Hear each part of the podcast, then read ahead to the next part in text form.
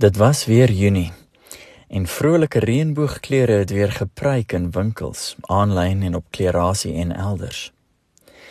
Dit was ook weer Junie en die aanlyn oorlog, 'n deurlopende stryd, het weer geïntensifiseer met veral die klem op die aanvegbaarheid van homoseksualiteit en toenemend die identifisering van en met 'n uitgebreide boeket van byderwetse benaderings op geslag, seks en die eise wat dit aan die samelewing stel.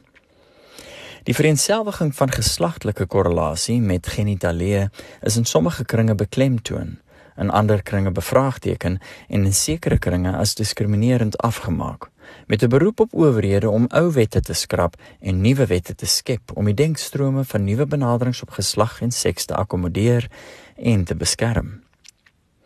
En dit was weer Junie en elkeen met 'n seepkussie en elkeen het immers in die era van sosiale media 'n seepkussie, het hulle stem gehef oor die gedoente, 'n stuiwer in die armbeurs van opspraak gewerp en 'n kwaak toegevoeg tot die oorverdowende paddakoor in die donker stroom van die mees sosiaal onstuimige tyd in mense jeugenis.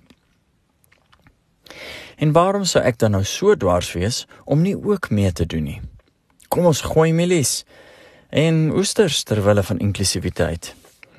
Dit lyk my 'n redelike groot aangeleentheid in die lig daarvan dat ons een dag, 9 Augustus, toewy aan vroue, maar 30 dae in Junie aan gay trots. Na my kortgeknipte diensplig in 1990 het ek holderste bolder in die televisiewêreld ingetuimel. My streng kalfynse inbors en konservatiewe agtergrond het die idee van homoseksualiteit op 'n verre, byna mitiese afstand gehou. Trouwens, ek het destyds in die Bybel, dis nou Lot se Lot en Sodom en Romeine 1 ensvoorts, meer van homoseksualiteit verneem as in my alledaagse lewe.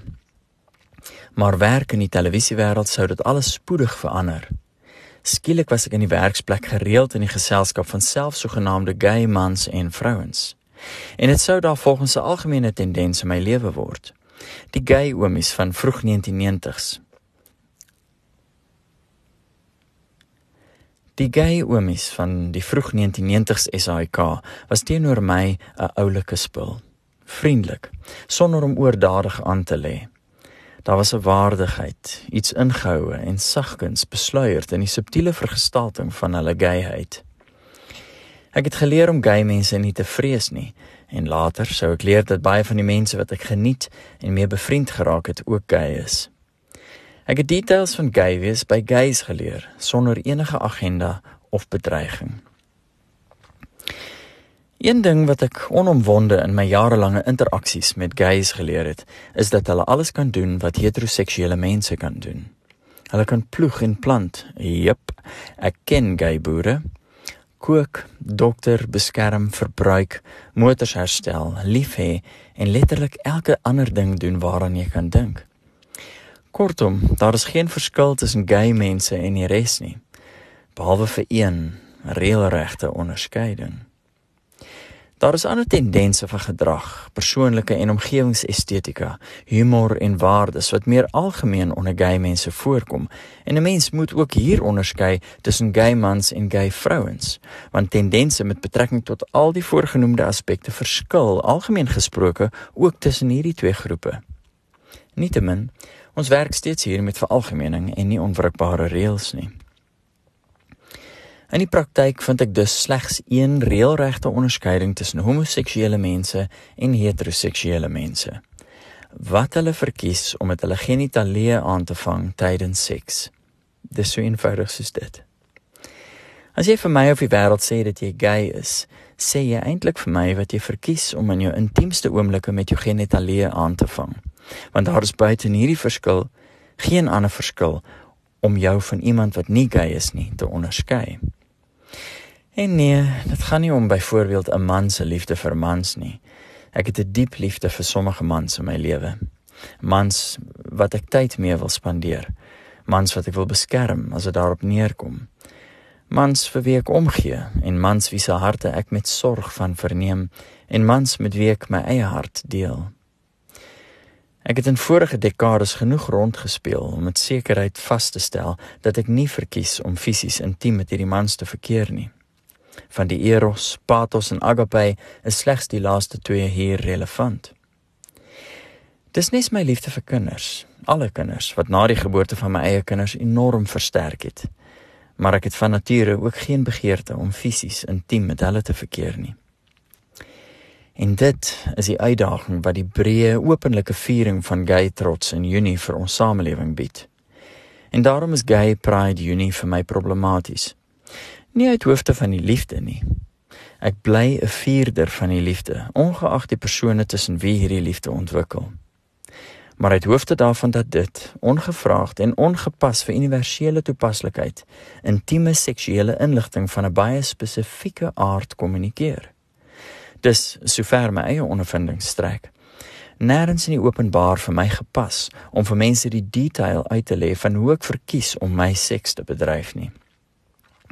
En ek sou by die veroorlowing van sodanige openbarings diskrimineer teen diegene wat behoudend oor seksuele openheid in sosiale omgang of byvoorbeeld in kinderopvoeding ingestel is.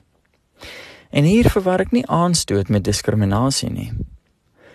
Aanstoot is wanneer jy iemand bloot ontstel deur jou handelinge. Maar diskriminasie is wanneer jy iemand se fisiese gang in die lewe belemmer deur jou handelinge. Jy sal diskrimineer teen 'n ouer se reg om die opvoeding van hulle kind te bepaal wanneer jy hulle kind aan seksuele inligting blootstel indien dit strydig met die ouer se opvoedingsstyl is. Jy sal ook 'n ongeoorloofde wysiging in die kind se seksuele traject teweegbring. Jy sal diskrimineer teen iemand se voorkeur wanneer jy vir hulle 'n openbare wêreld skep waarin hulle nie die keuse het om seksueel behoudend te wees nie. En ja, daar gaan altyd sodanige botsings in ons samelewing wees en 'n mens kan nie almal gelukkig hou nie. Maar die beste benadering is om by die verandering van gevestigde gebruike stadig en oordeelkundig te werk te gaan en ook om die meerderheidsbehoeftes in ag te neem. In gevalle waar die meerderheidsbehoefte onduidelik is, moet daar omvattende en duidelike ondersoek ingestel word alvorens die gevestigde orde omvergewerp word. Solank as wat die wette van die land ouderdomsbeperkings instel vir heteroseksuele inhoud in openbare media, lyk die eis dat dieselfde beperkings vir 'n gay trotsmaand met inbegrip van bogenoemde enkele spesifiek seksuele detail wat daarin vervat en daarmee gekommunikeer word, na 'n konsekwente verwagting. Ten slotte, dis van selfsprekend dat die snelweg na normalisering so ver moontlik van die wispelturige kronkeling van uitsondering loop. Om normaal te wees, om 'n gewone deel te wees van die samelewing, kry jy nie buitengewone voorregte nie. Jy kry nie jou eie maand nie. Jy kry nie die hervorming van ander se taal en spraak nie. Jy kry nie insaag oor ander se opvoeding nie. Jy kry nie die etiket van normaliteit deur buitengewone vertoon nie. En vir alle veranderinge aan die voorgenoemde ding jy in die bondel mee, gerugsteun deur dieselfde regte en onder die juk van dieselfde beperkings as al die ander normales. Kortom, aanvaarding as deel van die norm is nie die utopiaanse uitkoms wat dikwels verkondig word nie. En die aandrang daarop is dikwels ydelle tydverdryf. Dis lekker om spesiaal te wees, om anders te wees en om dit so te hou, verg 'n bietjie beskeidenheid, 'n tikkie verborgenheid, 'n knippie stoïsme en 'n vleugie misterie, oordeelkundigheid en styl. En al hierdie dinge blyk oop vir gedagteaanvulling, want ek het al gesien hoe aanhoudende redevoering groter mensekennis en belewing soms my wêreldbeskouing kan beïnvloed. Maar tot tyd en wyl ek die sin van sodanige beskouingsverskywing insien, bly ek aan die kant van versigtige, behoudende en veral beteelde uiting.